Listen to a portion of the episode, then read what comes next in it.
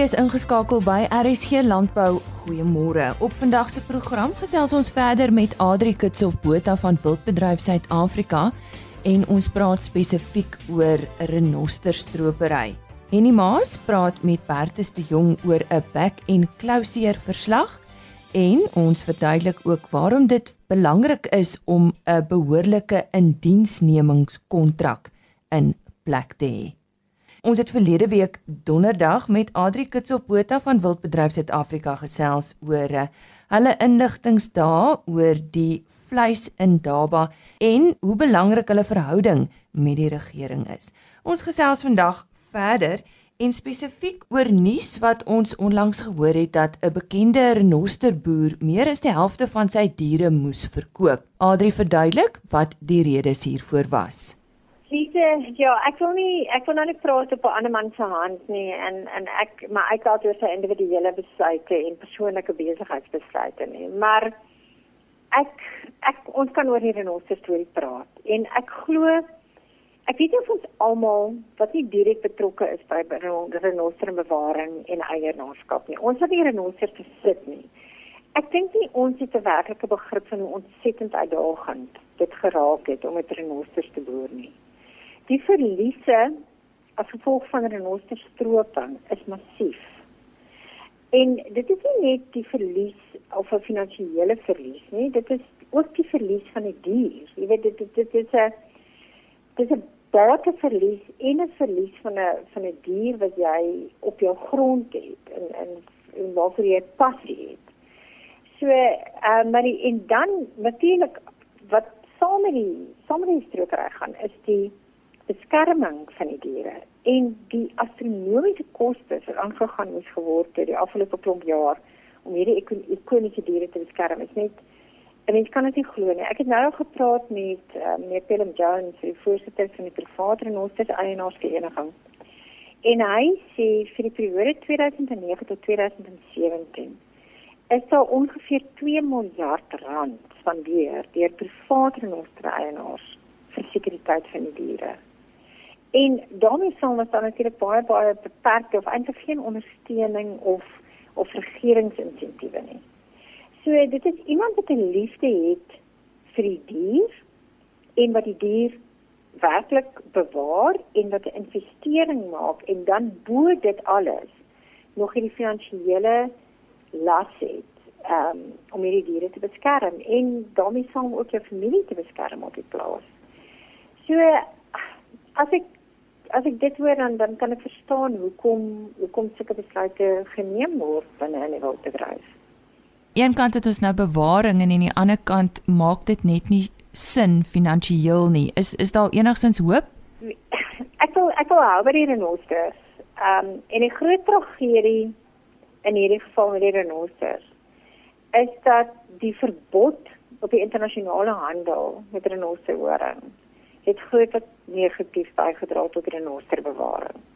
So as jy vir my vra is daar hoop? Daar is hoop, maar ons moet 'n oplossing kry. Ons moet 'n oplossing kry um om weer om vir daardie boere wat met renosters boer, um te kan ondersteun dat hulle die broodnodige befondsing weer kan kry vir die renosterbewaring en ek weet daar's baie mense wat nie verstaan hoekom ons pro renoster horinghandel is nie. Maar wat het bewyse het ons nog? Ek sien as ons met hierdie hernubare produk kan handel dryf. Want dit al is nou se horing groei weer uit. Dit is 'n absolute hernubare produk. Sal dit ons sal dit twyfel die waarde en ook die beskerming van die renosters terugbring. So ek sou hoop vir die wildbedryf, daar is absoluut hoop vir die wildbedryf. Ons het ons het ons nou uit die geskiedenis uit gesien. Um hoe die wildbedryf en bewaringsorganisasies en regering saamgewerk het om sekere spesies om te voorkom dat sekere spesies uitgewis word. Ek glo daar gaan hoop wees as ons 'n manier kan kry om die mense wat dit bewaar te ondersteun en en dit kom meer op finansies want dit is hulle wat hulle beskerm. Die uitvoerende bestuurder van Wildbedryf Suid-Afrika, Adri Kitshof Botha. Ons sluit nou aan by Henny Maas. Ons gesels met 'n eh, Bertus de Jong en uh, ons gaan met hom uh, praat oor 'n verslag wat saamgestel is oor uh, die status van die lewende hawe bedryf in die sogenaamde back enclosure buffer sone. Uh, Bertus, miskien moet ons net eers sê waar is hierdie buffer sone geleë presies? Hierdie hierdie buffer sone is essensieel rondom die Kruger Wildtuin geleë. Uh reg van die noorde, reg rondom tot by Noord-Natal. En dis natuurlik 'n sone wat uh ons probeer waardeur uh vee en diere nie moet beweeg in die sogenaamde groen sone nie, uh sodat ons ons back enclosure status of internasionale status kan behou. Uh waarom uh, was dit nodig om so 'n verslag saam te stel? En die die probleem is ons het in die verlede nie regtig geweet hoeveel boere en hoeveel diere in daardie buffersone is nie. En daar was ook uh gerugte dat die vee in daardie areas is besig om te vermeerder en dat daar druk op daai boere geplaas word om hulle vee uit die area uit te beweeg omdat daar nie 'n mark in daai area is nie. En die die doelwit van die studie was eintlik geweest of ons nie moontlik 'n interne mark in daai buffersone vir die boere kan ontwikkel nie om dan die diere binne in daai area te kan hou, te verwerk en te bemark. Maar uh, daar was onsekerheid oor die hoeveelheid diere. Uh, niemand het regtig weet ah, hoeveel boere daar is nie net om te begin. En tweedens het ons nie geweet hoeveel diere en watter diere daar is nie. En uh, so is ek nou getaak uh om te gaan probeer uitvind of 'n mens hierdie syfers in die hande kan kry en daar was van tevore eintlik geglo dat ehm uh, die syfers nie beskikbaar is nie. Ek het nou maar ter plaatse gaan ondersoek en stel as die motor geklim ek het so 4000 km per pad afgelê om by die verskillende departemente veral die staats via sy kundige departemente uit te kom om by hulle inligting te kry om trend uh hoeveel boere, hoeveel veestuks in hierdie area operatief is of boer dan. En ehm um, ek was absoluut verstom geweest oor die hulp wat ek gekry het. Uh, ons het gedink daar is nie syfers nie.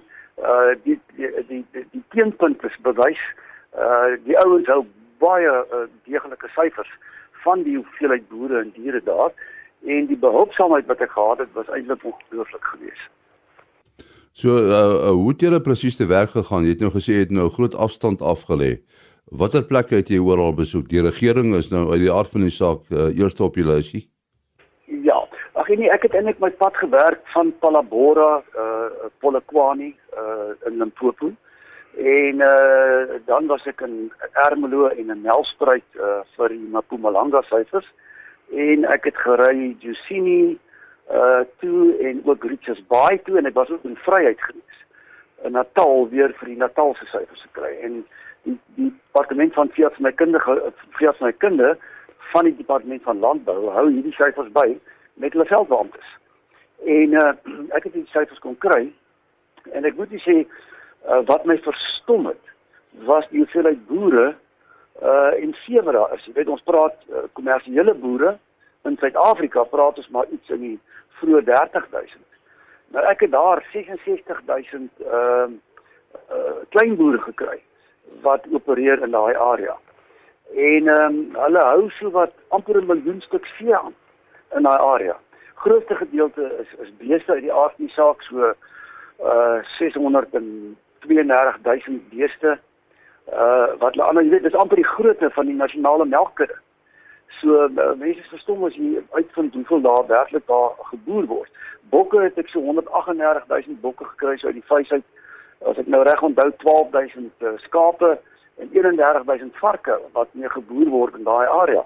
En en en dit is 'n substansiële hoeveelheid diere uh, waarmee daar geboer word.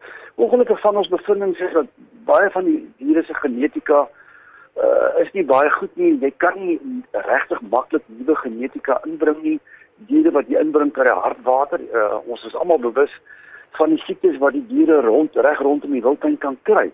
So die boere het 'n baie moeilike taak daar. Ehm uh, en um, wat ek ook wel gevind het is dat baie van die boere is leefstylboere. Jy weet hy hy ons aanvaar in die verlede dat almal van hulle wil reeds 'n kommersiële boere word. En eintlik is hulle leefstylboere. Hy, hy bly daar op sy lappie grond. Hy is miskien al 'n paar geslagte daar. En en dit wat hy wil doen en dit is nie uniek aan Suid-Afrika nie. Ek dink reg deur die wêreld kry jy dat mense uit die stede uit beweeg vir leefstylredes. En en hierdie is leefstylboere En ek dink van ons uh uh beleide in die in die verlede was gewees om groot fasiliteite te gaan opsit om hulle te bedien. Uh omdat ons graag wil seker maak dat die diere nie uit die uit die soort uit kom nie gaan bou as reuse abattoirs en in groot veekrale en van visiekrale. En um, ons het gevind dat uh, die boere gebruik dit nie omdat uh, dit pas nie by sy leefstyl aan nie.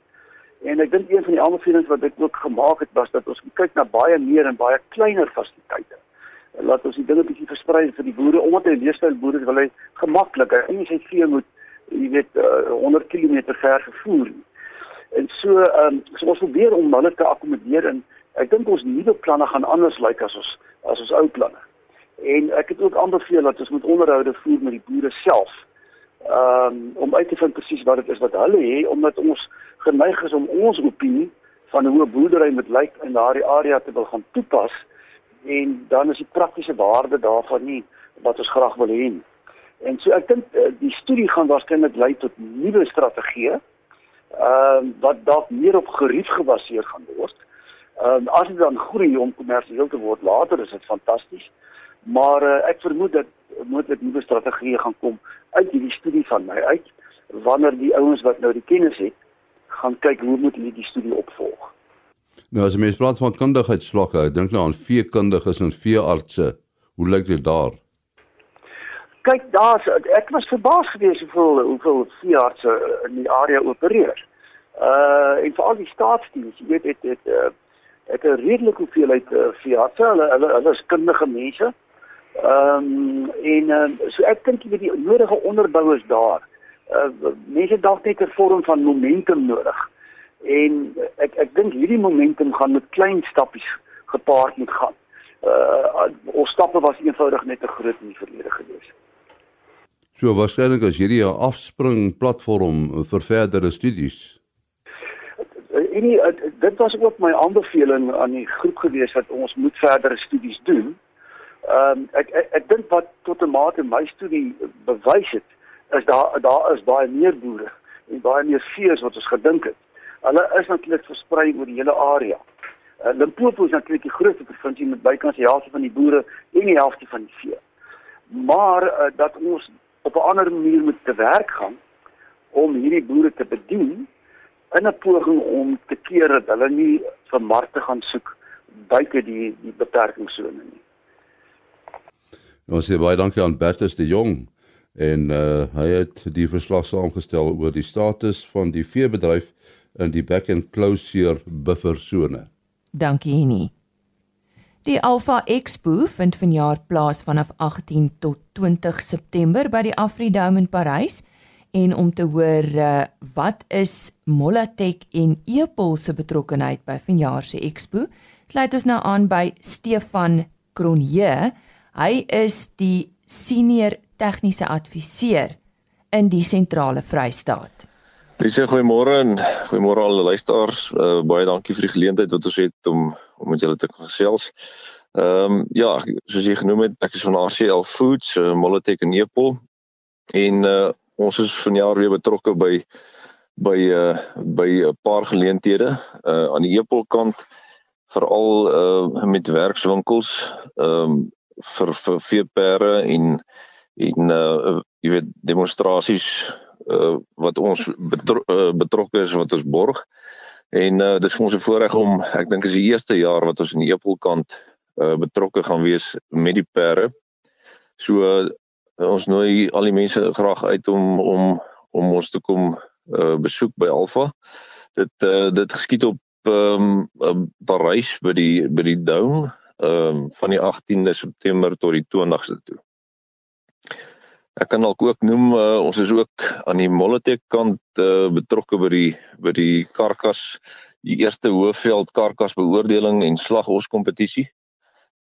En uh, ons het um, ons het regtig waar nogal uh, lekker belangstelling sover en is ons eerste jaar wat ons met die slagkar uh, karkas kompetisie gaan betrokke wees. En ehm um, maar ja, dit is aan die Moletek Moletek kant is ons die die derde jaar al betrokke by Alfan. Ons 'n voorreg om te sien hoe die hoe die skou uh, groei van jaar tot jaar. Ja, sê baie dankie aan Stefan Cronje. Hy het gesels oor Epol en Molotech se betrokkeheid by vanjaar se Alpha Expo. 'n Indiensnemingskontrak skep nie net sekerheid in 'n werksomgewing nie, maar kan ook in sekere gevalle verwarring voorkom.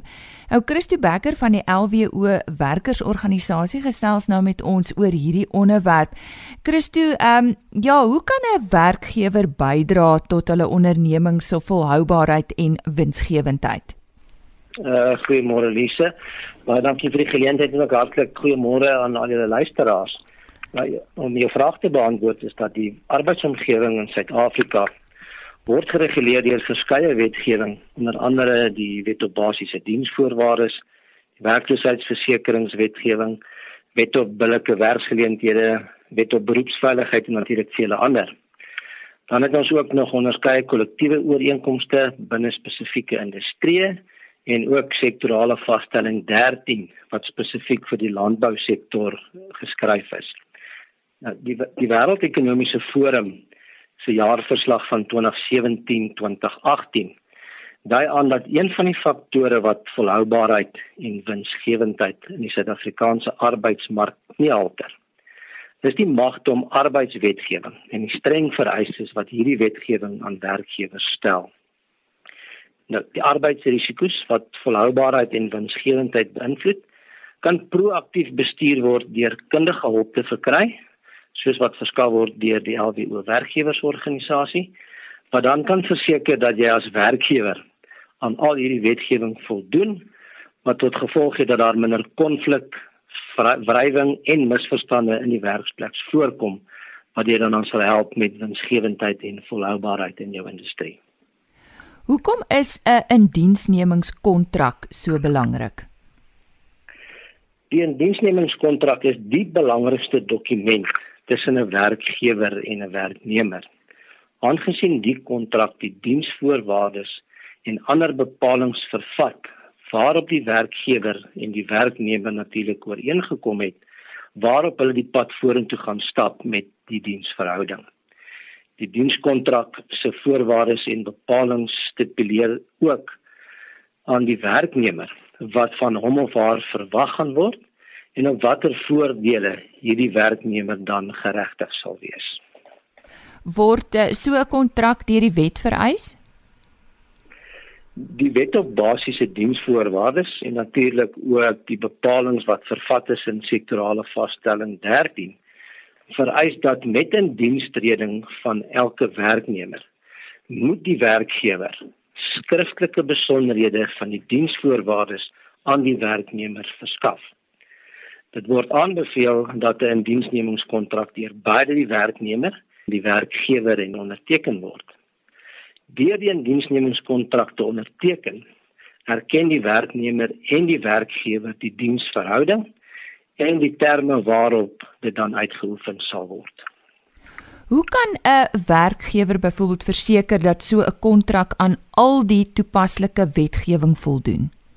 Die werkgewer, soos wat ek ook reeds gesê het, is kan die hulp van kundiges inkry en hierdie kundiges sal verseker dat die indiensnemingskontrak aan al die bepalinge van die wet en die sektorale vaststelling voldoen. En wat is die basiese vereistes van so 'n kontrak? In die sektorale vaststelling wat spesifiek op die landbou sektor van toepassing is, word daar 16 basiese vereistes gelys wat vervat moet word in so 'n diensnemingskontrak. Om maar net 'n paar van hierdie basiese vereistes te noem, is onder andere die naam van die werkgewer en die werknemer, die posbenaming wat die werknemer sal hê, asook dan natuurlik die pligte wat hierdie werknemer gaan moet uitvoer. Die datum van die indiensneming moet daarin vervat word. Wat ook baie belangrik is, is die normale werksure wat die werkgewer gaan vereis die werknemer moet verrig.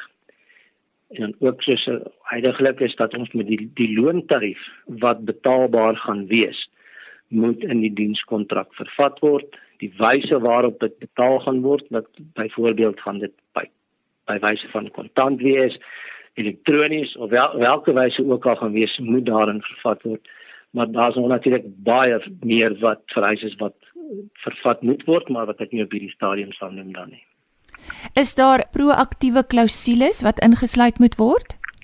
As ons kyk na proaktiewe klousules, is natuurlik die doel van so 'n klousule is om die werkgewer so te posisioneer om moontlike toekomstige dispute wat met die werknemer uh, verkry word natuurlik die hoof te kan bied.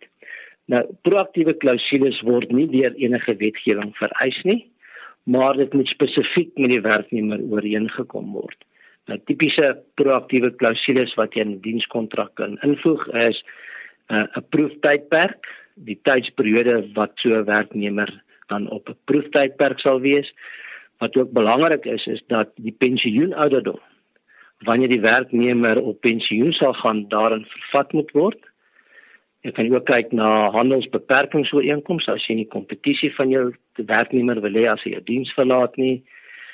Jy kan ook in jou spesifieke industrie dalk 'n konfidensialiteits- of geheimhoudingsklausules inbring rondom van hoe jou werksplek en jou werksomgewing werk, aftrekking vir opleiding en natuurlik enige addisionele voordele wat voorsien gaan word aan die werknemer moet dan vervat word in 'n klousule om onduidelikhede te voorkom. En en watter tipe aanhangsels kan by so 'n kontrak gevoeg word? Die heel belangrikste aanhangsel, uh, Lise wat jy moet byvoeg by jou dienskontrak is natuurlik uh, jou pligstaat, want in jou pligstaat word vervat wat gaan jou ver, wat gaan van jou verwag word. En dan gaan daar dus geen onduidelikhede wees tussen die werkgewer en die werknemer nie. Jy kan ook verdere aanhangsels byvoeg soos byvoorbeeld jou dissiplinêre kode, interne beleide en prosedures wat spesifiek van toepassing is in jou sektor of werksomgewing rondom en miskien byvoorbeeld soos 'n uh, rookbeleid ehm um, en dan ook baie belangrik uh, vir die huidige rondom uh, seksuele teistering beleid uh, so da, da enige aanhangsel wat jy aan kan dink wat jy belangrik ag vir jou omgewing kan jy by jou dienskontrak byvoeg. Hmm. Nou om jy af te sluit, gesels ons nou ook met die werknemer. Wat staan die werknemer te doen wat nie 'n indiensnemingskontrak by sy werkgewer ontvang nie? Lise, een van die belangrikste redes vir 'n uh, indiensnemingskontrak is natuurlik dat daar moet duidelikheid wees met betrekking tot die verwagting binne in die werksplek, want dit skep sekerheid en is ook natuurlik tot voordeel van die werkgewer en die werknemer want dit is die doel van 'n diensnemingskontrak dat die werkgewer en die werknemer mekaar verstaan en weet waarop ooreengekom is en hoe die verhouding voortgesit gaan word. Die wetgewing natuurlik maak dit verpligtend dat 'n werkgewer aan 'n werknemer 'n dienskontrak moet verskaf. Die werknemer kan die werkgewer verwys na die bepalinge van die wetgewing en natuurlik ook sektorale vaststelling 13 en dan daarop aandring dat skriftelike besonderhede van die indiensnemingsvoorwaardes aan hom verskaf moet word. Ja, dit was dan Christo Bester van die LWO werkgewersorganisasie en hy het met ons gesels oor 'n indiensnemingskontrak wat die wet sê. En nou gesels ons met Dr. Rafael Karwai van die JSE oor hulle betrokkenheid by Alpha. Alpha is eintlik 'n uitstalling uh, vir lewende hawe uh, met 'n fokus op innovering en blootstelling aan nuwe tegnieke en tegnologieë in landboubedryf. Uh, ons glo dan uh, daarom dat die GSC ook mooi inpas by die uh, missiestelling ons bied aan innoverende uh, prysrisikobestuur uh, wat dan die boere kan help om wensgewend te kan boer ons voel baie bevoorreg uh, eintlik ook dat ons uh, nie net as stalletjie by Alpha gaan hê maar ons gaan ook uh, werkswinkels aanbied om die boere dan te wys hoe uh, om hierdie finansiële instrumente te gebruik uh, en dit dan deel te maak uh, van hulle se daglikse.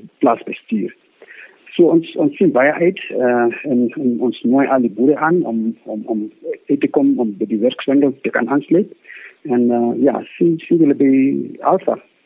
Uh, dit is nie die eerste jaar wat jy betrokke is nie, is ek reg?